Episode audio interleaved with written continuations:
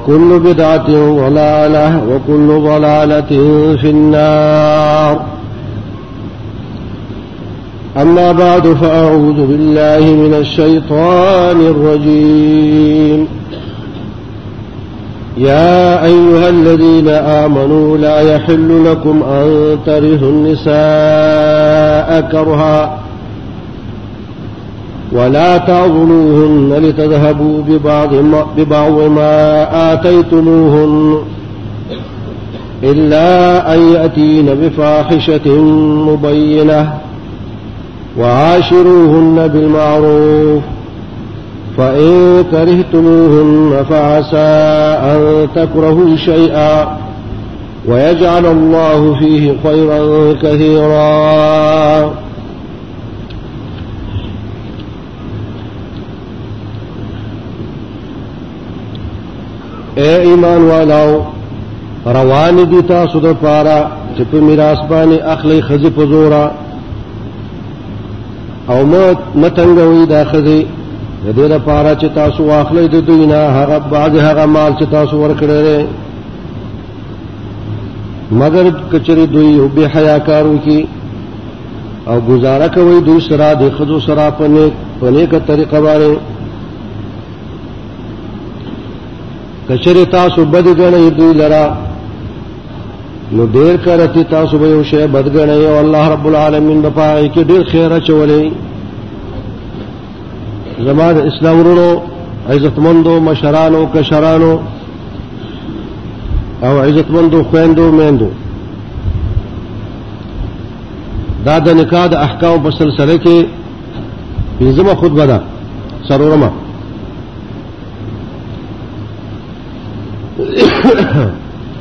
مقصود د دې احکامنا صرف کسی او وقت ضایع کول مراد نه دي مقصود د دینه دا ده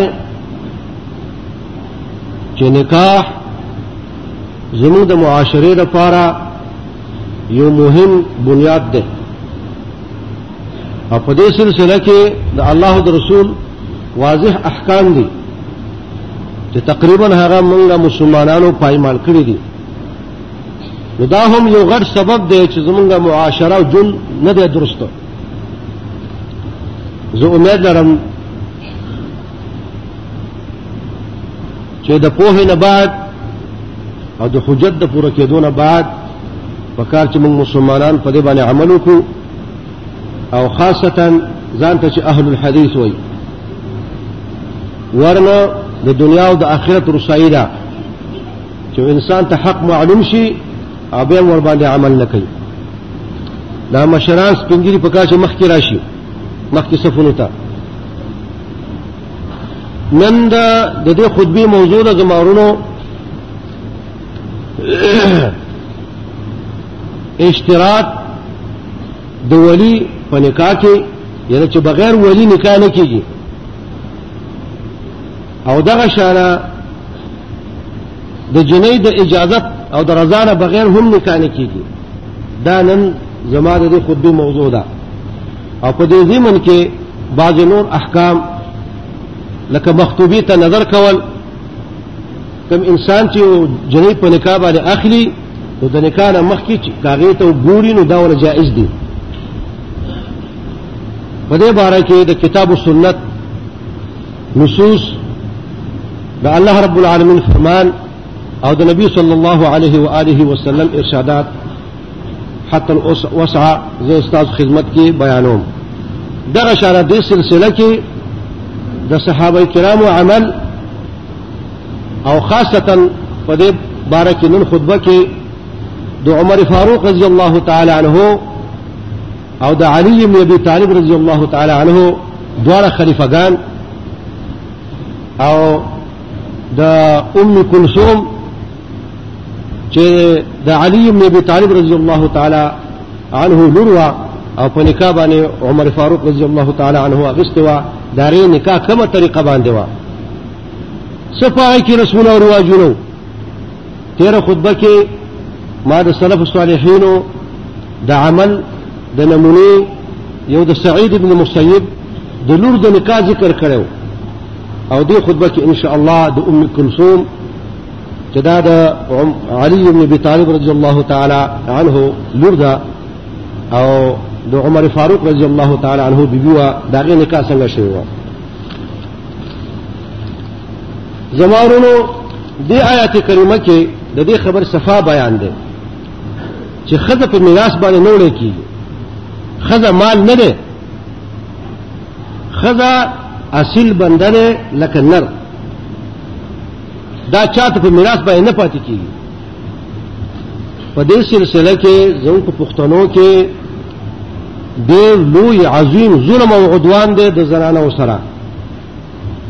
او خاصتا د افغانستان د مسلمانانو په طرز زندګۍ کې او علی الخصوص د پیج د مسلمانانو د کونړ د مسلمانانو چې کومه طرز زندګی ده په دې کې چې د زنانو سره کوم ظلم او عدوان کیږي نو دغه ظلم او عدوان د دې لپاره کافی دی چې الله رب العالمین افغانستان باندې عذاب نازل کړي او خځې نور ټول تباہ کی هم په کماله دا په کماله او زه تعجب کوم دیتا چې دا دومره د افغانستان مسلمانان وجړه کېدل تکلیفونه ورته ملاو شو د کورونا در بدر شو خزي کونډي شو بچي یتیمانان شو د وینو سیلاب پکې روان شو او بیا هم چې کله دوی نه سمېږي بیا هم چې د حق ته رجوع نه کوي او د زنانو په سلسله کې په دوی کې دومره ظلم او عدوان دی چې د غواو د میخې سره چې کوم سلوک کیږي هغه نن پسې بتر دی دا اسلام نه برداشت کوي دا د عدوان ظلم دی ډېری خزي داسې دي چې هغه یو ځل یو سړی ته ورکړی شوی دی په نکاح باندې واده شوی دی یا نه دی شوی خاوند یې مړ شو بیا دغه جنۍ خپل خوښه ته څوک نه پریدي او هغه د خاون کور خلک وای چې دا به چې کوم دی زما بل زوی لا یا زما بل نور لا راکوي کله نو ټول عمر هم داسې بې میړه ناشته په کور د پلار په کور کې او داسې ډېر کیسونه داسې شوي دي دا ټول ظلم او عدوان دی په داسې واقعاتو باندې دا ټول ملک الله رب العالمین نیسي دغه شانه یو سړی مړ شو دغه خزه پاتې شو د واده نه مخکې یا وروسته یا بچی ورسره پاتې شو نو کم چې د میړه کور دی نو دا خزه مجبورای چې یو لیور په نکاح اخلي او وهي غربوي ټکوي سزاګانې ورکوي تکلیف ورته رسوي او بعض وخت کې خلا لیوریم لا په نکاح وانه خلی کله وری لا په نکاح واخلي بیا هم چې کوم د خپل ورورونو سره هغه اعتبارانو سره لګره هم سلوک کوي بعض وخت کې داسې ظالمان متعدی خلک شته داسې بے رحمه فرعونیان چې دغه بیچارګۍ خزه په بل کلی کې خرڅ کی او بعض خلافه کې دومره بېمانان دي د حد پورې دغه بېمانه رسیدل نه چې ورته وای چې راځه چې تری بوزو دوايانو لا یا علاج لا یا زو هجرت کو په دغه چل باندې خزر روانه کی سره د بچو چې روانه کی چې کوم ځای کې شپه راشي و دلته بشپو وکړو تیار شو شپه به وکړو په دې کې غشپه مقصد نه چا سره مخکنه بیا کړی دغه خزر چې ګوري په یو خاون باندې په بوډا یا په زلمی باندې ورواړی ناڅاپه ناګهاني مصیبت باندې او بیا ته غواړه کوچونی ماشومان هغه چې را جدا کی او دغه خدا چې کم دی او دغه اعتمادان بچي دغه شانه لکه د جوارو نونو غوندي په کړی چې وسوځي دا سی واقعات هم شوي دي العیاذ بالله دا واقعات چې کیږي دا ظلم او عدوان دی دا نکاحونه نه کیږي دا زناګانی دي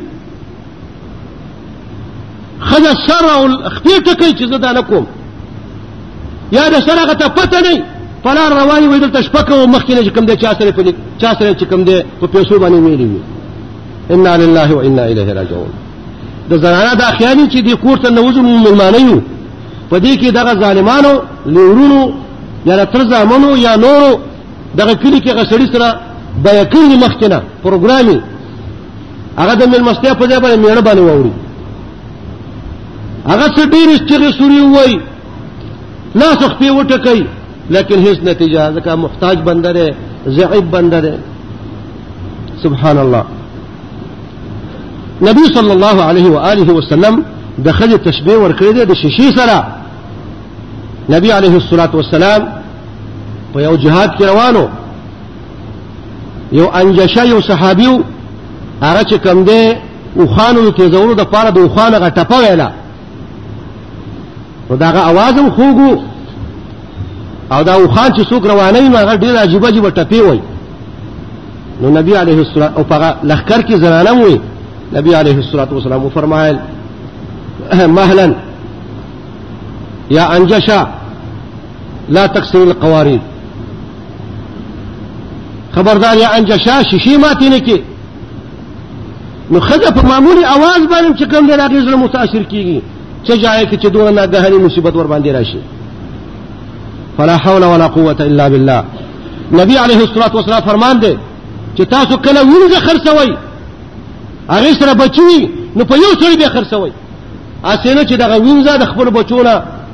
تاسو جدا کئ مور ول یو ځای خرڅ کئ او بچو له بل ځای خرڅ کئ هر کله چې ونځه او بچی جدا کول جائز نه دي نو حره خدا کونډه رنده بچ کم دی د بچو له سرنګ جدا شي دیو جن ورونو دا ډیر یو ظلم او عدوان دی د خځه درځانه بغیر نکاح کول او دغه شانه د ولید بغیر چې خزه چې کم دی نکاح کوي دا دوړه ظلم او عدوان دی ځکه خزه سفیه ده کمقله ده بې عقله ده ناقص العقل والدین ده ښځې له دا روانې دي چې د پلار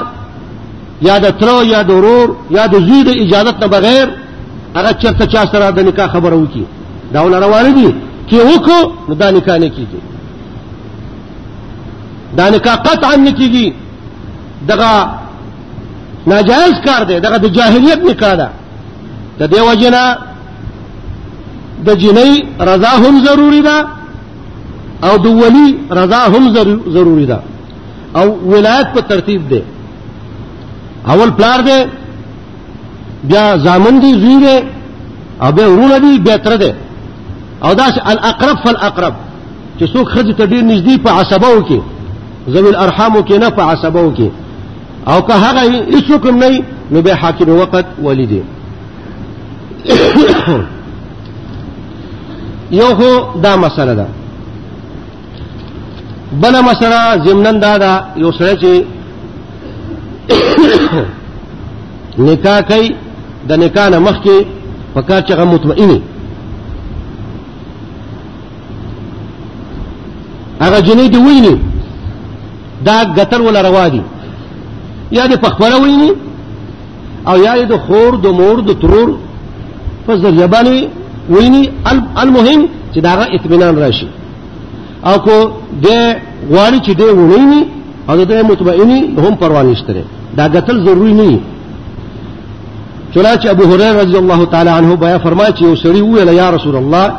اني تزوجت امراه من الانصار ونبي عليه الصلاه والسلام وتوفر معين فانظر اليها تو تو ګورا فان في اعين الانصار شيئا ځکه د انصار په سترګو کې یو څه شی دی یعنی شینوانه مثلا بیا به سبا په خپه بیا به وای چې کنه خزه می شین سترګې ده یا زیر سترګې ده یا سپین سترګې ده بیا په خپه نو اوس نو ته وګوره کته راځي نو ټیک ده نور دی وجه دا قتل روا دي نظر مخطوبه ته او کچره جنې دا وغواړي چې زم انک ته ګورم جنې لم دا حق شته اسینه چې چا ورته ویلي چې دا ځوان دی هغه بوډای بیا اکاړه چې غاخونه وتري او ملای کړ په کړ پکېږي نرم نه ده پکار دا د رضا شی دی په دې کې ډیر احتیاط پکار دی نو خزلم دا حق شته چې هغه وګوري خاطب ته یو نظر یا په خپل یا د چا په ذریعہ المهم چې اطمینان د جانبین نه وي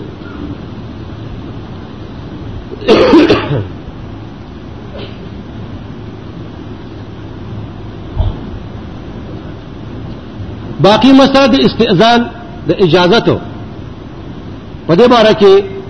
حضرت ابو هريره رضی الله تعالی عنه نے روایت ته چې نبی عليه الصلاه والسلام فرمایلی دي لا تنكح الايم حتى تستأمر به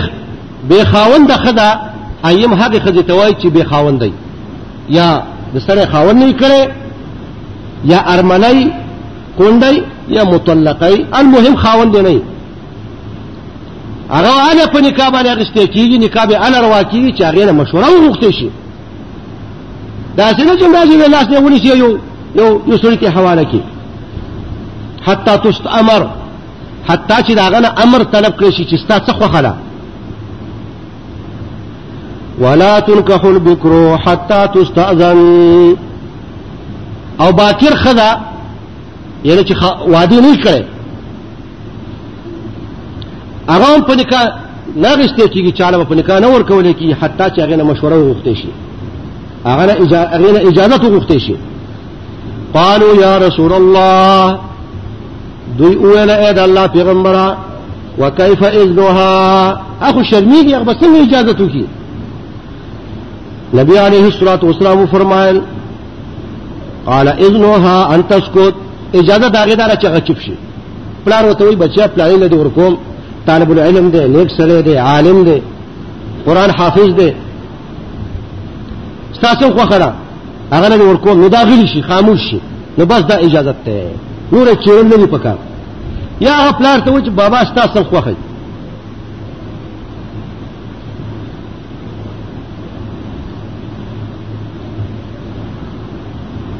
او اهل علم د دې احادیث په شرح کې دا لیکلي دي کداغه جنې معمولی غوندي وجاري وای پروا نه کوي ځکه کې دې شي دا به حیا د وجنه جاري البته که سره خپل ټکی او پته ولګي چې دا راځي نه ده نکاح نه کیږي او دا احوال مختلف کیږي په احوال د بلاد او د عبادو هر ملک جدا جدا رواج دی بعض ملکونه داسې دي چې هلته کې جنې به خامخا دا وایي چې زما رضا ده یا مې نه ده او بعض ملکونه کې داسې رواج راغلی چې جنې غږ نه کوي نو خاموشي چې کم دی کافي ده دا متفق علی حدیث در بخاری د مسلم عبد الله ابن عباس رضی الله تعالی عنهما فرمای چې نبی علیه الصلاۃ والسلام فرمایلی دي الایم احق بنفسها من ولیها ایم ایم ایم اطلاق کیږي د عربی په جبه کې په بیواده سړی او بیواده خزه دواړو باندې خودلته کې چون کې بنفسها زمين راجیره مؤنث خزه مراد ده به خاوند خدا د ولی او د خدي جګړه رااله ولی وای زه فلانی نه ورکوم اجنه وای زه نه کوم بس د جنې به منل کیږي ولی به پزور نه ورکي البته چې دا جن پلاری ورکي نیک سړی ته طالب العلم ته حافظ قرآن ته دیندار ته اجنه وای چې نه د جنې والا نه منما ازو نوفر جوارګه فلانه کومه فلانه کاریجی کاریجی کومه چې کوم دی د انګريز بچی کومه نو بیا په دغه وخت کې بیا دغه جنې خبره منل نه پکار بیا به دا دواړه اختلاف چې شي بیا به شریعت ته رجوع کوي یا چې د پلار ورکړي او فاسق فاجر ته جنې چې کوم دی وایي زه دا فاسق فاجر نه کوم زه یو طالب العلم نیک سره کوم دیندار کوم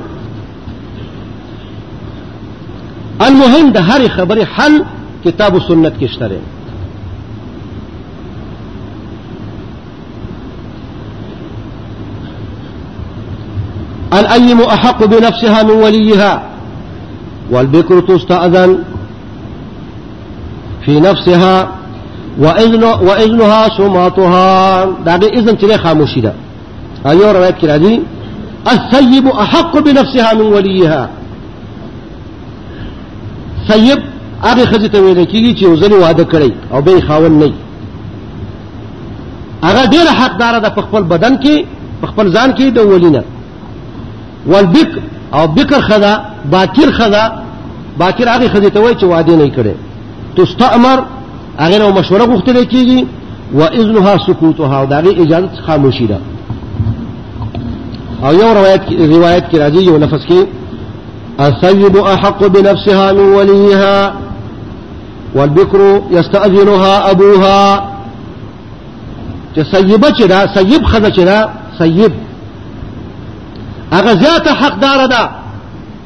په خپل نفس کې د ولینه او باقی خزه چې دا هغه نه پلار تپوس کوي اجازه به غواړي واذنها سمات سماتها او دا اجازه چې خاموشي ده دا درې واړه روایتونه د صحیح مسلم دي خنسا بنت خنسا فرمای ان اباها زوجها وهي سيد چې پلار دا په نکاح چاله ور کړی و او دا سيب و یعنی یو ځل واده کړو د د میړه و فکر حد ذلک هغه هغه سره بد غنو راضی نه و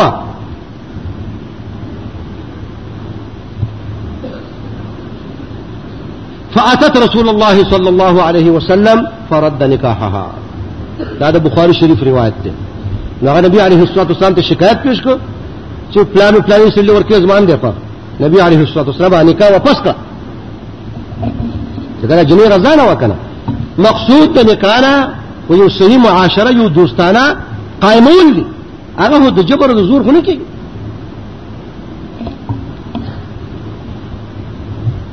عبد الله بن عباس رضي الله عنهما فرماي أن جارية بكرا أتت رسول الله صلى الله عليه وسلم فذكرت أن أباها زوجها وهي كارهة فخيرها النبي صلى الله عليه وسلم دا دا أبو داود حديث دي سند حسن دي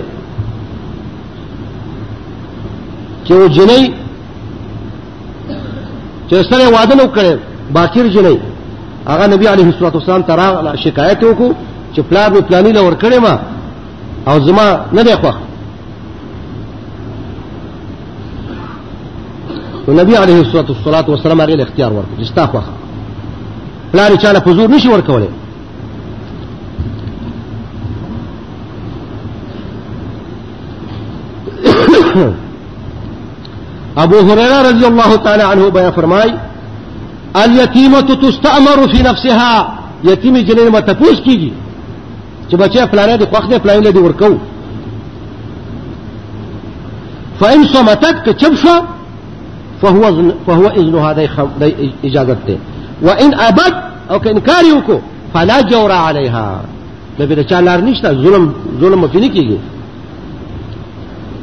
د دې روایت امام ابو داود ترمذی او نسائی او نور محدثینو کړی دی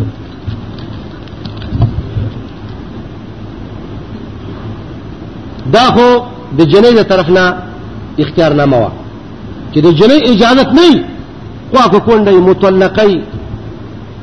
غټي وړي دا چې کم دین اجازه چې نه کړي نکاح نه کیږي اكو ورا پلار ور کړی او غټه شو او ان او ویل چې زه نه کوم د پلار حق نشته چې په زور ورځي اوس دا بل طرفو ولی ولی هم شرط دی ولی نه بغیر نکاح نه کیږي دا یو مذهب دی مذهب حنفي افسوس سره موږ دا خبره کوو چې دی وای وای ورینه بغیر نکاح کیږي او د دینه دومره مفاسد او فسادات پورته کیږي په عالم کې چې اندازې نشته بلکې زه وایم چې په دې کې چې څومره د زنا دروازې کولاویږي اندازې نشته عجیبه خبره ده قرآن او حدیث نصوص په دې باندې گواه دي چې د ولي نه بغیر نکاح نه کیږي ا دوی وایي چې نه کیږي او کله بوای دا خبره واحد ده دا ټول واهیات دي دا د معتزله خبرې دي دا حقیقت کې د جهمیه خبرې دي او دوی به کله به دا خبره واحد ده د دې زیات زیارت په کتاب الله نه کیږي اول دا خبره په نفسه بنیاد فاسد ده اول احادیث د ولایت د اشتراک د ولایت دا اخبار احاد نه دي دا که متواترات نه نو علی اقل تقدیر اخبار مشهوره دي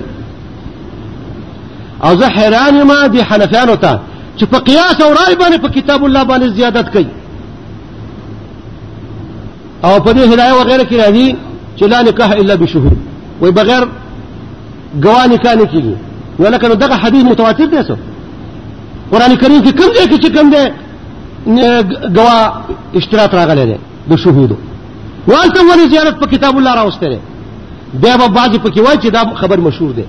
یو ضعیف حدیث کمزور حدیث حالانکه د هغې په اکثرو روایاتو کې لا نکاح الا بولین ولا نکاح الا بشهود ولي ټکی هم پکې دی نو یو جزء مني او بل جزء نه مني افتؤمنون ببعض الكتاب وتكفرون ببعض فما جزاء من يفعل ذلك إلا خزي في الحياة الدنيا ويوم القيامة يردون إلى أشد العذاب وما الله بغافل عما تعملون ده حديث يجوز بني عمل كو او بل جز بني عمل نكو يجوز رد كو صدر رد كو عجز منو سبحان الله او دا استراب اکثر چې ګورم د مقلدینو په کور کې پروت دی دا استراب او دا دا, دا تخالف او تناقض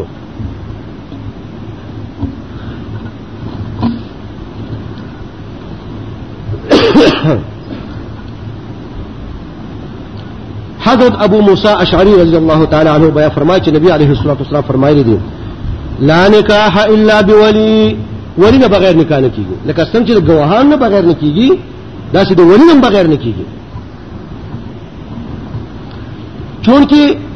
زموږ په دې ملک عام عامه طریقه د حنفیانو مذهب جاری دی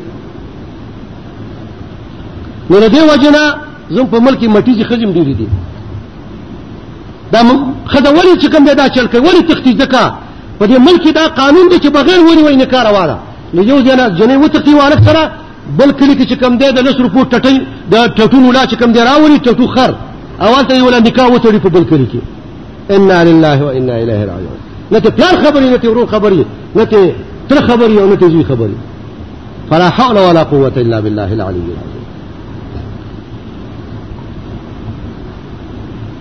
او کو دا تصور وای چې د ولینه بغیر نکاح نه کیږي نو ولې به چې کوم دی جنې تختې دی یا به خلکو خلکو چې کوم دی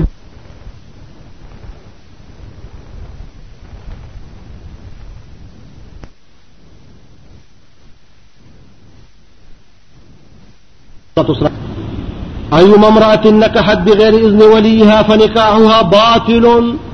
فنکاحها باطل فنکاحها باطل درې کرتی کمی خلی چې بغیر د ولی نکاح وکړه نکاح باطل له باطل له باطل له د دې روایت امام احمد ترمذی ابو داود ابن ماجه او دارمی کړی دی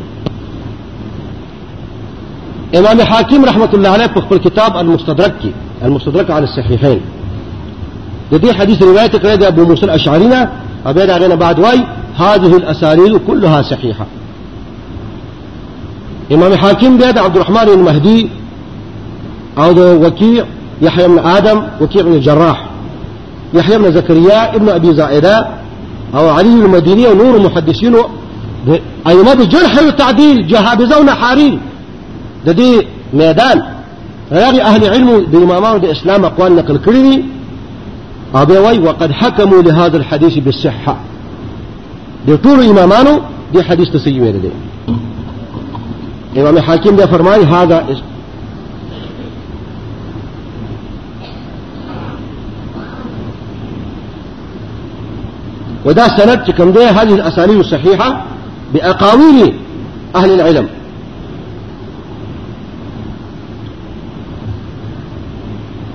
خزي أو بها إمام حاكم فرماي وفي الباب عن علي وابن عباس ومعاذ وابن عمر وأبي ذر وأبي هريرة وعمران بن حسين والمصور وأنس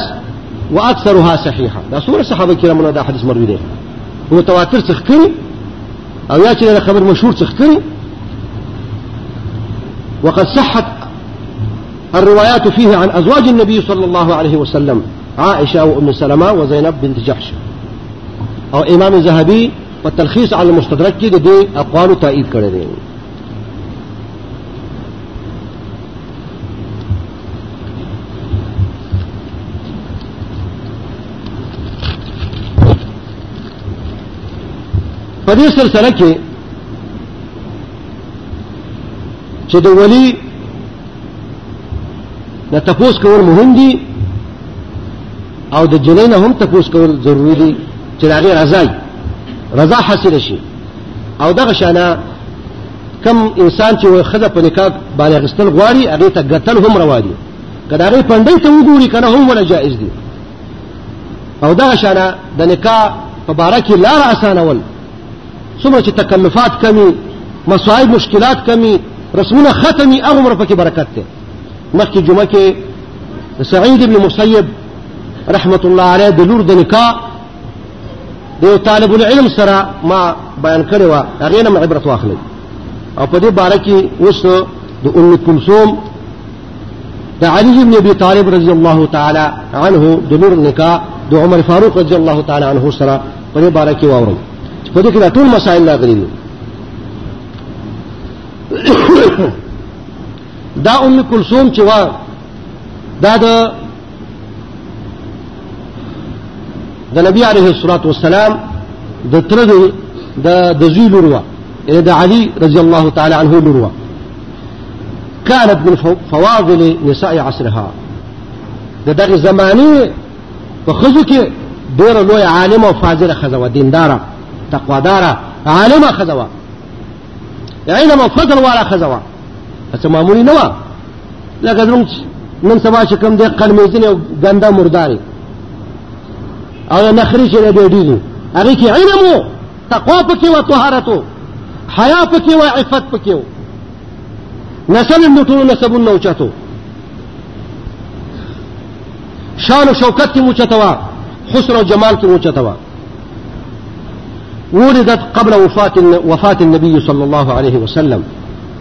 دا د نبی عليه الصلاه والسلام د وفات نه قبل پیدا شوی و اوس دا چې د نبی عليه الصلاه والسلام سره ملاقات شوی دی یا نه دی شوی د دې خبر ثبوت نشته دی الله اعلم لكن محدثینو د صحاب صحابه او فرض کی ذکر کړی دا د دې وجه دا واقعا ابن سعد په طبقات کې او دغه شانه ابن عبد البر حافظ المغرب په استيعاب کې او نورو نور رخینو چې کوم د صحابه کرامو تاریخ بیان کړی دی هغه کې دا واقعا نقل کړی دی خو ظاهره ده چې دا د نبی عليه الصلاه والسلام د وفات نه قبل پیدای نو کده دا پوه نه چې ما نبی عليه الصلاه والسلام لیدل دی د ماشوموالي د وجنه نو کې دې چې نبی صلی الله علیه وسلم خبرې درې ځکه داغه د خردان و علي کړه بچي پیدا کیږي نبی صلی الله علیه وسلم نه ني دا غیر معقول ده خطبها عمر عمر رضی الله عنه علي ته ویل دا لور دې په نکاح راکا فقال علي انها صغيره عمر فاروق علي رضی الله عنه فرمایي چې دا هما شمره پیغله نه ده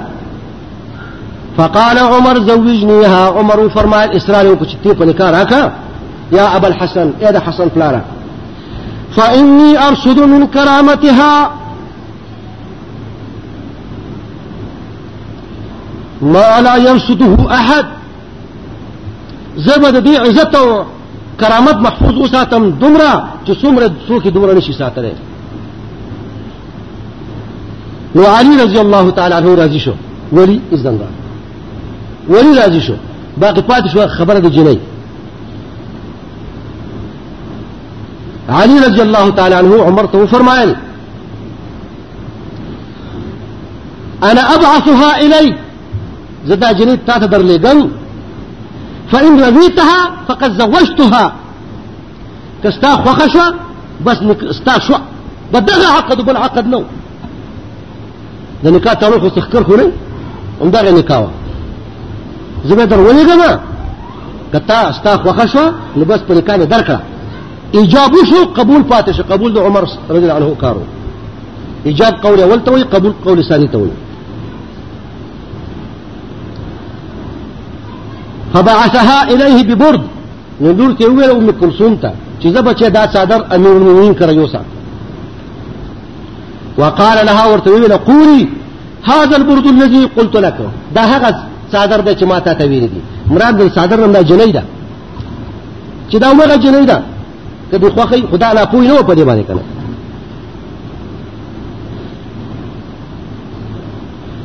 وقولي له قد رغيت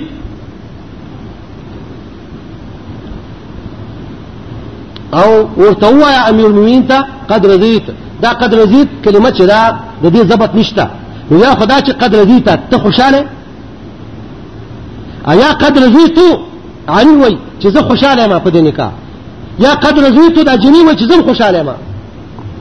الله اعلم زبد دې کلمې نشته دي انت چورلا فوضع يده على ساقها عمر فاروق رضی الله تعالی عنہ خپل لاس دغه پندای باندې کې خود فکشفها پندای ولا لګو کلاو کړه حسن جمال ګوري فقالت اتفعل هذا غير قهر ورغه غیرتوا هغه چې کوم دی د کوڅو چرګه خو نه او نو چې کوم دې د ډولر خري وي او نو چې د بازاري و نه گشتي و هغه پاکه خزه و عفيفه و نیک و دیندار و سبحان الله فقال اتفعل هذا تأمير المؤمنين دون خسر غير سره دا کار کې چې پردی جنې چې کم دی پندې لګوتې ورولې یا چې کم دی ګوري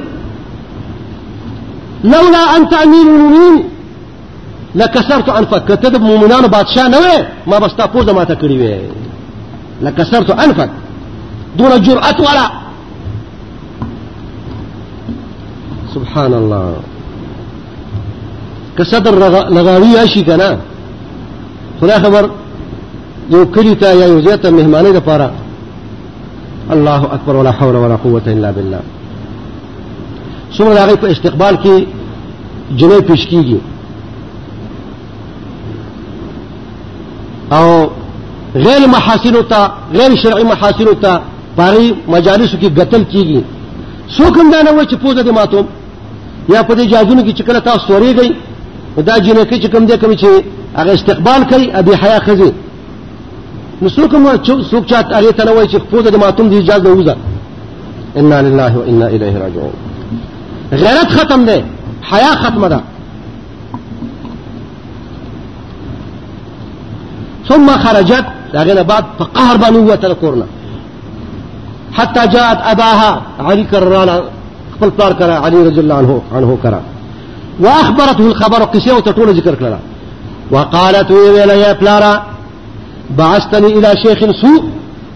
تا خو خراب سړی کړه دې کړی ومه کنه خراب سړی فقال علي رضي الله عنه فرمایل یا بنیتو انه زوجک اے بچوری ته مې په کارې غلا خوستا خاوند دی کنه با څنګه راځي شو غیرت ختم شو ځکه مخکنه کار هغه د غیرت نه خلاف وو چې اوس پته ولګېده چې زموږ پلار ورکړی ما او دام پرې راضي شوله نو خوشحاله انه زوجه فجاء عمر الى مجلس المهاجرين عمر فاروق رضي الله تعالى عنه د مهاجرینو میټنګ زیات راغی بین القبر والمنبر مسجد نبوي کې د نبی عليه الصلاه والسلام د روضې او د منبر په منځ کې چې کوم مجلس د مهاجرینو د مشورې ثم جاء علي وعثمان وزبير وطلحة وعبد الرحمن بن عوف دا ټول عشر مبشر دي دا صحابه کرام ټول حاضر شول فقال رفعوني عمر فاروق رضي الله عنه ویل ما ته د واده مبارکي راکړي فقالوا بمن څوک دې کړی دی امیر المؤمنین قال بابنة علي د علي لور ام كلثوم سمعت رسول الله صلى الله عليه وسلم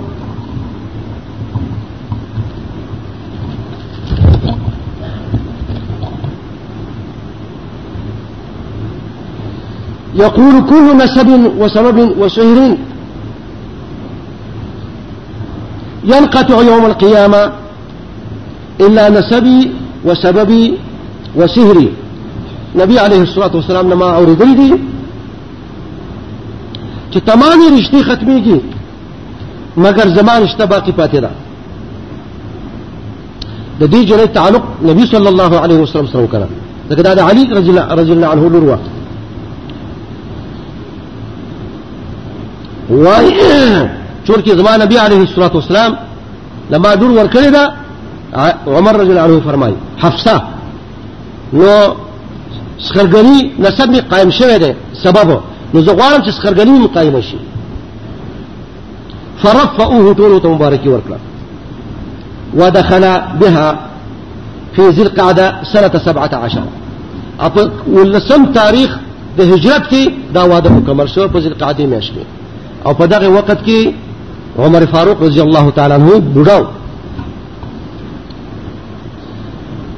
المهم د دې واقعې نه موږ ته ډېرې مسلې واضحې کېږي یو مسله عدم تکلفات د صحابه کرامو په دین د الله کې څومره په اسانۍ باندې دا نکاح وشوله دویم په دې کې دا جایز دي چې څوک چې کومه جنۍ په نکاح کوي هغې ته ګتل روا دي به قدر ضرورت او دریم د ولي رضا او بل د جنې رضا دا ټول مسلې په دې واقعا کې درج دي اقول قولي هذا وصلى الله وسلم على خير خلقه محمد وعلى اله وصحبه اجمعين الله رب العالمين دي من رب كتاب السنة باني عمل لكي عمل كرو توفيق راكي الله رب العالمين دي من سيم مسلمانان كي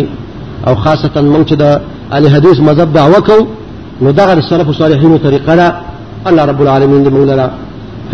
په دې باندې د عمل کولو توفیق راکړي پکار را چې موږ رښتینی کارو خلکو سره وکړو او د نیکانو خلکو نه وغواړو او په دې کې د رنګو نسل او د نورو دنیا جاه او جلال خیر ونه ساتو کاغه د دنیا کارونه پکې خو ډېره ښه کنه اصل مرکزی نقطه به پکې دین وي الله رب العالمین زموږ په حال باندې رحم وکړي زموږ معاشره دی الله رب العالمین درست کړي په خپل فضل او کرم سره